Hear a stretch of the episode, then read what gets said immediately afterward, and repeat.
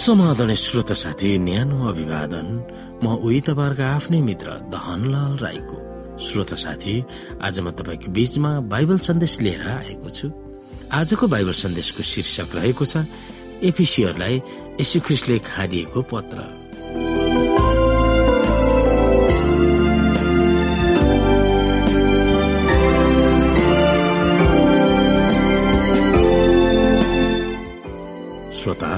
पावलले आफ्नो पत्रको मुख्य विषयवस्तु के हो भनेर कसरी जनाउँछन्?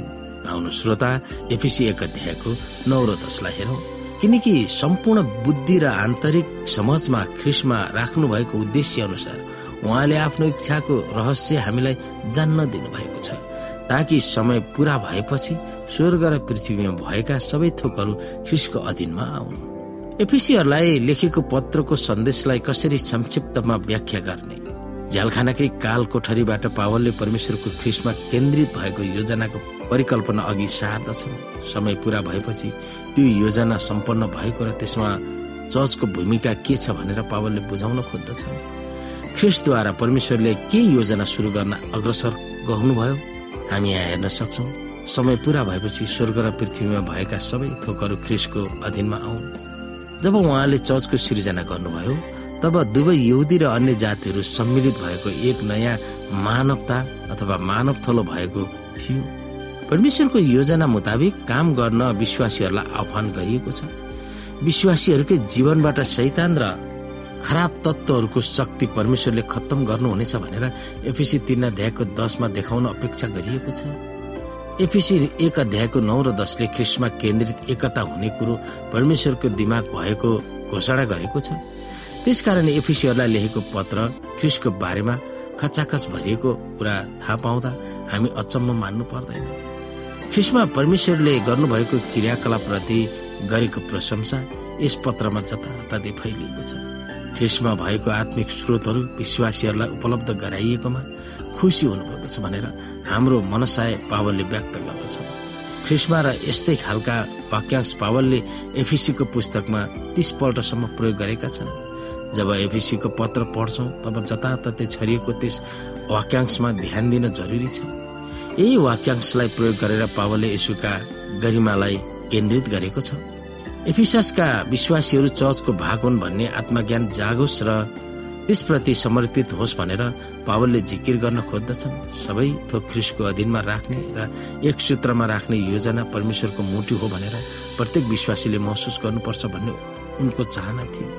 जब उनले चर्च भन्ने शब्द प्रयोग गर्छन् जुन ग्रिक भाषामा एक्लिसिया हो तब यो विश्वव्यापी विश्वासीहरूको समूह हो। केवल स्थानीय विश्वासीहरूको चर्च समूह मात्र होइन।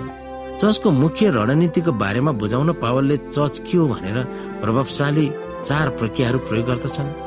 ती प्रत्येक यसु परम भक्तहरूले दिमागमा घुसाइराख्नु जरुरी छ र ती प्रतीकहरूलाई व्यक्तिगत रूपमा आत्मसात गरेर राख्दा चर्चको एकतालाई बलियो बनाइ राख्दछ यहाँ ती प्रतीकहरूलाई केही विस्तृत रूपमा प्रस्तुत गरिएका छन्। चर्च शरीरको प्रतीक हो भनेर एफिसी एक अध्यायको बाइस र तेइसलाई हेर्न सक्छौँ। चर्च भवन वा मन्दिरको प्रतीक हो भनेर एफिसीको पुस्तक दुई अध्यायलाई हेर्न सक्छौँ। चर्च दुलैको प्रतीक हो भनेर एफिसी पाँच अध्यायलाई हेर्न सक्छौँ। चर्च फौजको पनि प्रतीक हो भनेर एफिसी छ अध्यायलाई हेर्न सक्छौँ। ती सबै प्रतीकहरूले उहाँको चर्च के हो र त्यसको लक्ष्य के हो र कुन अभिप्रायले परमेश्वरले स्थापना गर्नुभएको भनेर आफ्नै विशेषताले प्रकट गर्दछ? तपाईँ हामी सेभेन्थ डे एडभेन्टिज चर्चको एक भाग छौँ। विभिन्न राष्ट्र विभिन्न भाषा भाषीहरू विभिन्न जात जातिहरू विभिन्न संस्कृति र रहन सहनहरू मिलेर बनेको समूह एउटा चर्च हो। यसोमा सम्पूर्ण मानव प्राणीमा एक सूत्रमा बाँध्ने परमेश्वरको योजना चर्चबाट पुरा भएको छ। एफिसी एक अध्यायको नौ र दस जुन परमेश्वरको त्यस महान योजनामा सहभागी भएर हामी कसरी एक भएर अघि बढ्न सक्छौँ भन्ने कुरा यहाँ देखाइएको छ। जस्तो श्रोता चर्च दुलैको प्रतीक भनेर एफिसी पाँच अध्यायको बाइसदेखि हामी हेर्न सक्छौँ। यहाँ लेखिएको छ पत्नी हो प्रम प्रभुको अधीनमा रहे जस्तै आफ्ना पतिको अधीनमा बस। किनकि पति पत्नीको शिर हो जसरी ख्रिस मण्डलीको शिर हुनुहुन्छ। किनकि पति पत्नीको शिर हो जसरी ख्रिस मण्डलीको शिर हुनुहुन्छ। जुन मण्डली उहाँको शरीर हो र उहाँ स्वयं त्यसको मुक्तिदाता हुनुहुन्छ। जसरी मण्डली ख्रिसको अधीनमा छ त्यसरी नै पत्नीहरू पनि हरेक कुरामा पतिहरूका अधीनमा रहन् पति हो आफ्ना पत्नीहरूलाई प्रेम गर जसरी ख्रिस्टले पनि मण्डलीलाई प्रेम गर्नुभयो र त्यसको निम्ति आफूलाई अर्पण गर्नुभयो। यस हेतुले कि उहाँले त्यसलाई पानीले धोएर वचनद्वारा पवित्र पार्न सक्नु।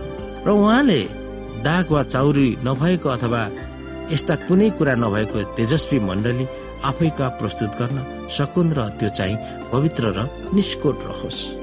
यसै गरी हामीले अघि हेऱ्यौँ श्रोता चर्च एउटा दुलहीको पनि प्रतीक हो भनेर र चर्च एउटा फौजको पनि प्रतीक हो भनेर हामी यहाँ फेरि हेर्न सक्छौँ छ अध्यायको दसदेखि बिसमा अब अन्त्यमा प्रभुमा र उहाँका शक्तिको सामर्थ्यमा बलवान हो।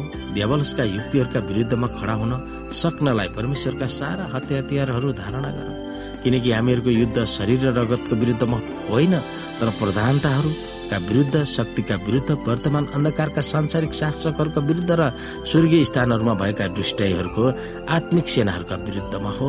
यी कुराहरू हामीले हेरिसकेका छौँ। र अन्तिम श्रोता हामी यहाँनिर एफिसी एक अध्यायको नौ र दस हेरौँ।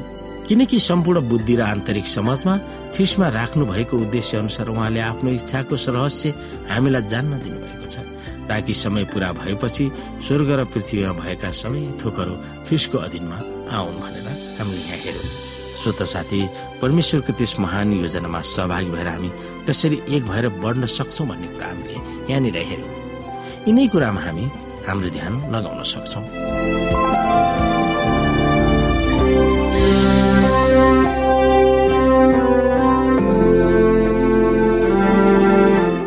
श्रोता साथी आजको लागि बाइबल सन्देश यति नै।